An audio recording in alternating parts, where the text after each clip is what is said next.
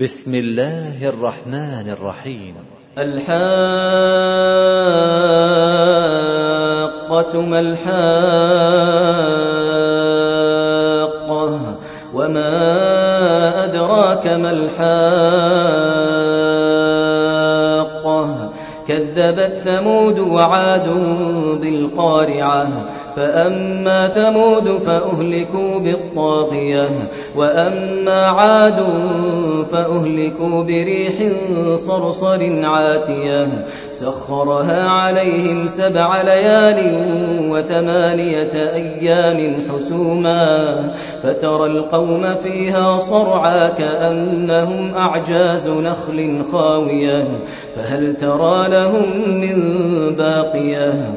وجاء فرعون ومن قبله والمؤتفكات بالخاطئة.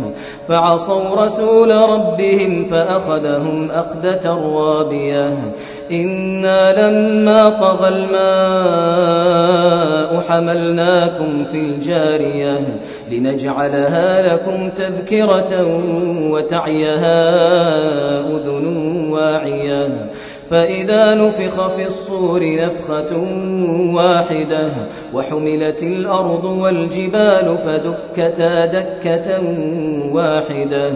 فيومئذ وقعت الواقعة وانشقت السماء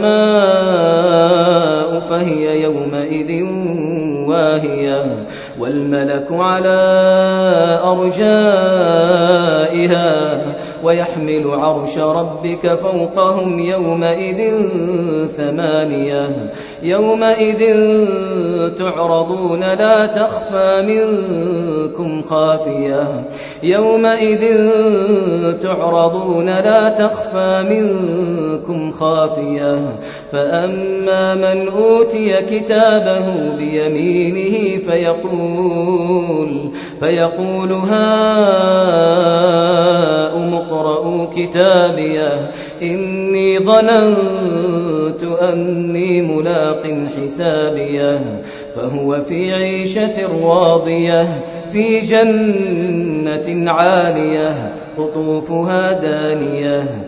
كلوا واشربوا هنيئا بما أسلفتم في الأيام الخالية.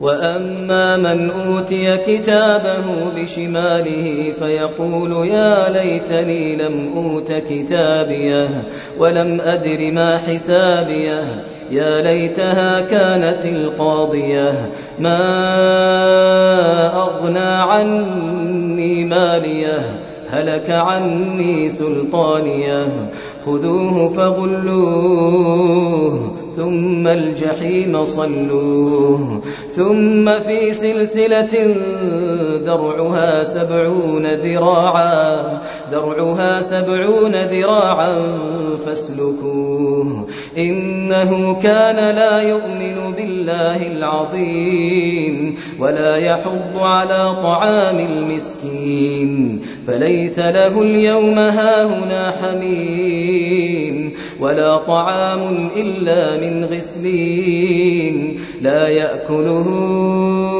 إلا الخاطئون. فلا أقسم بما تبصرون وما لا تبصرون. إنه لقول رسول كريم. وما هو بقول شاعر قليلا ما تؤمنون. ولا بقول كاهن قليلا ما تذكرون.